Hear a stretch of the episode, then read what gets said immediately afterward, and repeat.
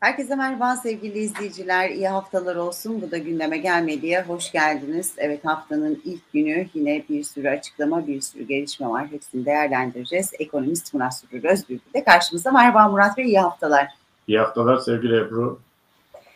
Evet hep kur korumalının maliyetinden bahsediyorduk ama bu sefer kimlerin ne kadar zengin olduğu açıklandı. Diğer taraftan e, Amerika enflasyonla mücadelesini bir de e, yasa tasarısıyla onaylamış oldu. TÜSİAD Başkanı'ndan açıklamalar var ama e, bugün en çok konuşulan konulardan biri de dolar 17.96 işte 18'i ne zaman görür tartışmaları varken diğer taraftan da 20 Aralık'taki senaryo gibi bir senaryodan bahsediliyor. Yani 18'i gördüğünde e, bir operasyonla nasıl düşürülmüştü? Şimdi yine 18'i gördüğü zaman e, yeniden 9 liraya 10 liraya kadar düşeceği dedikoduları yapılıyor. E, bunun için ne dersiniz? Real mi sizce? Dedikodu. E, ama dedikodu nereden kaynaklanıyor? İşte 20 Aralık'ta kurlar kopup giderken bir gece böyle bir algı operasyonuyla işte Cumhurbaşkanı çıkmış, konuşmuştu, birden kurlar düşmüştü filan. Şimdi hani eskiler der ki ateş olmayan yerden duman çıkmaz. Ama bunun için önce ateş olması lazım. Hükümet kurları düşürmek ister mi? Önce onu düşünmek lazım. Yani kurlar bu seviyedeyken bile dış ticaret açığı, cari açığı patlamış giderken kurları düşürmek iktidarın işine gelir mi? Veya kurlar düşürülürse ne olur? Şimdi teknik olarak şöyle bir şey mümkün. Yani bu akşam Cumhurbaşkanı çıkar der ki bir kararname yayınlar.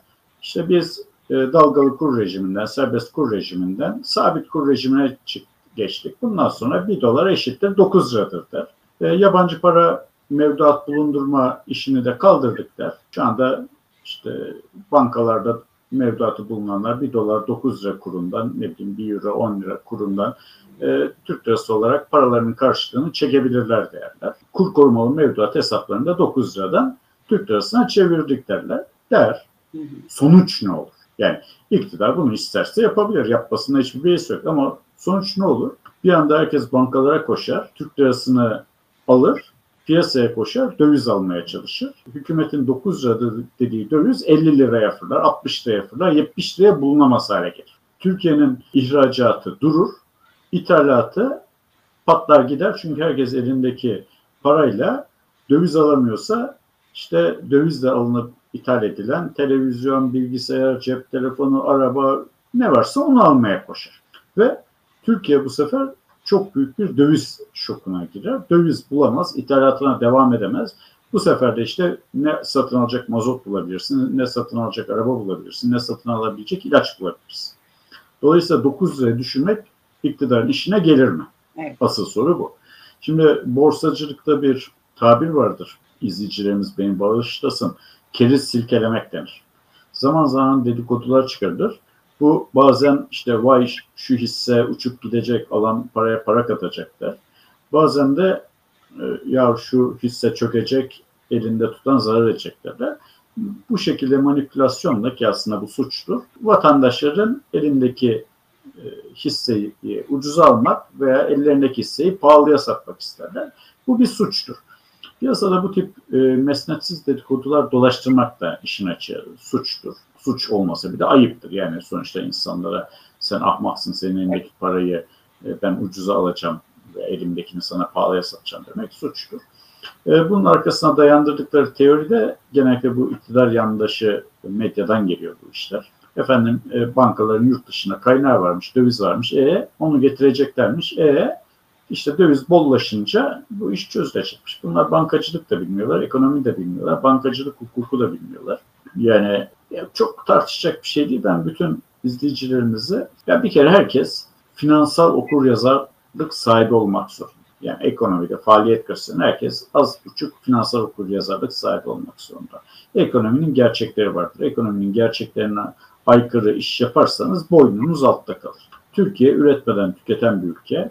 İthalatı, ihracatından fazla e, devamlı olarak dövizle borçlanmak zorunda, borca döviz bulmak zorunda, döviz borçlarını ödemek için de döviz bulmak zorunda. Dolayısıyla böyle bir ülkede döviz fiyatının düşmesi, döviz krizi yaşanması, yaşanmaması mümkün değil.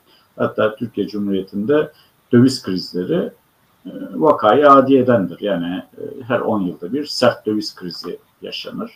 E, Türkiye'nin de içinde bulunduğu durum budur. Niye? İşte mesela bugün Çin'in rakamları açıklandı. İhracat, ithalat arasındaki dış ticaret farkı 110 milyar dolar mı ne? Yani adamın bir ayda kazandığı para bu.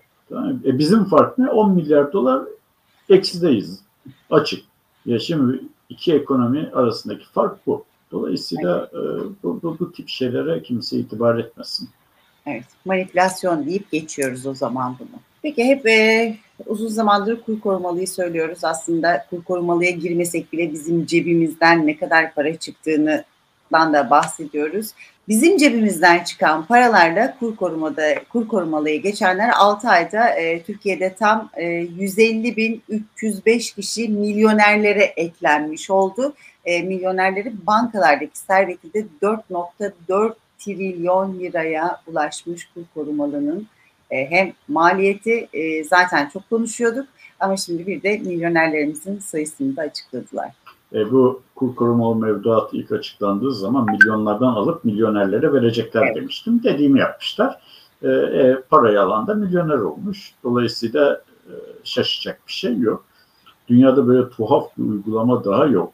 Yani öyle bir kuyuya öyle bir taş attılar ki bu taşı çıkarmak da zor Ebru. Evet. Şimdi durdurdum arkadaş dediğin anda oradaki işte bir küsur trilyon lira çat dövize kayacak. Döviz fırlayacak 18 liradan 28 liraya. Devam etsen bütçe açığı patlayıp gidecek. Bütçe açığı patlayıp gidince para basacağım. Para basınca hiperenflasyon daha da azacak. Böyle zihni sinir fikirlerle kurları kontrol etmek falan mümkün değildir.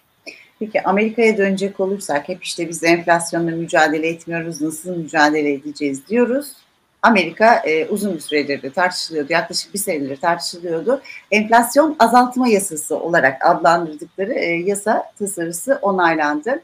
E, yasa tasarısı vergi e, düzenlemeleriyle gelecek 10 yıl içinde tam 700 milyar dolar ek gelir oluşturacak deniliyor. Yani ne güzel işte yani ekonomide enflasyonla mücadele etmek için adamlar senatoda çalışıyorlar. Ebru, Yasa şimdi, tasarısı çıkarıyorlar. Bir de bize dönüp bakınca biz gözlerdeki ışıltıya bakıyoruz. Evet. Şimdi evet. enflasyon en sinsi vergi türüdür. Yani gelişmiş ülkelerde finansal okuryazarlığın yüksek olduğu ülkelerde vatandaş enflasyonun kendi cebinden çalınan, kendi varlıklarından çalınan para olduğunu bilir. Hı hı. Bunu bildiği için de tepkisini çok sert koyar. Yani bu ülkelerde enflasyon yaratan herhangi bir iktidar e, gerekçesi ne olursa olsun iktidarda kalamaz, değişir. Dolayısıyla da herkes işi ciddiye alır, ciddi tutar. Enflasyonu böyle kabul edilebilir şey yüzde bir buçuk, yüzde iki, yüzde bir gibi seviyede tutmaya çalış. Şakası yok der. Yani e, bizdeki gibi adam boşuna işte yüzde on enflasyonla sokağa çıkamıyoruz diyor. Çıkamaz tabii çünkü e, Avrupa'da yüzde on enflasyon yaratan politikacı sokakta yürürken suratına tükürürler. Bu ne beceriksizlik derler. Yani halka derdini anlatamazsın. Çünkü hmm. halkın e, halk bunun sorumlusunun hükümet olduğunu bilir. Niye diye de sormaz. Gerekçesiyle de hiç ilgilenmez. Bence Şimdi, bizimkiler sokakta dolaşmadıkları için zaten e, halkla bütünleşmedikleri için öyle bir şeyle karşılaşmıyor. Tabii yani e, bir halkın tepkisiyle karşılaşamıyorlar. Niye gidecekleri yer zaten steril yerler. Hep böyle tepki görecekleri yerlere gidemiyorlar. Binlerce korumayla dolaşıyorlar korumalar tepki gösterebilecek insanları yanlarına yaklaştırmıyor. Ne bileyim muhalif olarak tanımlanan yani kendi en azından kendilerinden yana olmayan televizyonlara çıkıp e, münazaralara bile katılamıyorlar. Röportaj bile veremiyorlar. Yani ciddi bir gazetecinin, ciddi bir ekonomistin karşısına çıkıp da görüş bile veremiyorlar. Yani işte kendileri çalıp kendileri oynuyor. Aynen. Böyle Ahmet Hakan gibi ekonomiden bir haber olduğunu söyleyen adamların karşısına çıkıp şov yapıyorlar. Onlara röportaj denmez. Ee, netice itibariyle enflasyonla mücadele etmek için sıkı para ve sıkı maliye politikaları uygulaman gerekir. Sadece para politikaları da yetmez. Devletin tasarruflu olması, küçülmesi, giderini azaltması gerekir ki vergi gelirleriyle e, giderlerini karşılayabilsin. Para basmaya, borçlanmaya ihtiyacı kalmasın. Şimdi sen devletin e, giderlerini vergiyle karşılayamadığın zaman veya işte benzer gelirlerle karşılayamadığın zaman ne yapıyorsun? Para basıyorsun. Para bastığın zaman da enflasyon oluyor. Mekanizma bu kadar basit ve sade Ebru. Hiç kafa evet. karıştıracak böyle allame cihan olmaya gerektirecek falan filan bir şey yok. Devletin gideri, kamunun gideri o ya da bu yüzden e, kontrolden çıkınca kamunun vergi gelirleri ve sair gelirler. Bu özelleştirme gelirleri olabilir, varlık satış gelirleri olabilir. Ne bileyim devlet ticaret yapar, oradan kazandığı paralar olabilir. Devletin gelirleri giderlerine yetmeyince önünde iki tane yol var. Bir tanesi borç alacaksın, ikincisi para basacaksın. Devlet para bastığı zaman da enflasyon olur. Bu kadar basit ve net. Başka hiçbir gerekçeye ihtiyaç yok. Yani sen de itibardan tasarruf olmaz diye bir sürü harcama yaparsan, o harcamalara para basarak karşılarsan enflasyon olacağı aşikardır. 9 milyon Suriyeli'ye bakacağım diye para harcarsan enflasyon olmayacak ne olacak? Ya bunu vergiyle alacaksın, vergi alamıyorsan para basacaksın. Sistem bu kadar basit. Bunları düzeltmeden de Ebru enflasyon düzeltemezsin. Yani devletin, kamunun harcamalarına çeki düzen vereceksin. Ee, kısabileceğin her harcamayı kısacaksın. Her devlet memurunun altında Mercedes 500 sel lüks makam arabası har har har mazot yakıp dolaşmayacak. Emrinde 3-5 tane e, bilmem ne müdürü, bilmem ne şoförü, bilmem ne danışmanı olmayacak. Bunlara para harcamayacaksın. Devlet saraylardan yönetilmeyecek. Hiçbir demokrasi saraydan yönetilmez. Bak şurada bir hata var. Amerikalılar White House derler. Beyaz, Beyaz saray değil, beyaz evdir. Niye saray değil? Ev derler. Ayrıca onun bir alan büyüklüğü sınırlaması vardır biliyor musunuz? Niye? Saraylaşmasın. Evet. Mütevazi bir evin dışına çıkmasın. Biz Cumhuriyeti e, Çankaya'daki bir bağ evinde kurduk. O bağ evinin bahçesinde yapılmış adına köşk denilen son derece mütevazi bir konuttan yönettik. Şimdi iş saraylara, saray heveslerine geldi. Bunlar para. Kardeşim senin e, paran yok ki bilmem 500 milyon dolarlık uçakla uçuyorsun. Paran yok ki bilmem Somali'ye bilmem şu kadar bağış yapıyorsun. Ki Amerika'dan sonra en fazla bağış yapan ülkeymişiz. Milli gelirine oranla en fazla bağış yapan ülkeyiz. Yani buna şey derler, Sultanahmet'te dilenip Ayasofya'da dağıtmak derler. Yani her ayağını yorgana göre uzatacaksın, giderlerini sabitleyeceksin ki gelirlerin yetsin. Yetmezse ne olur? Ödeyemem diyemeyeceğin için temerrüde düşersin. Para basarsın. Para basarsan ne olur? İşte bugünkü durum olur. Evet. Gerçekten çok güzel özetlediniz. Peki çok teşekkür ediyorum hem size hem de bizi izleyen izleyicilerimize. Yarın görüşmek üzere o zaman. Görüşmek üzere.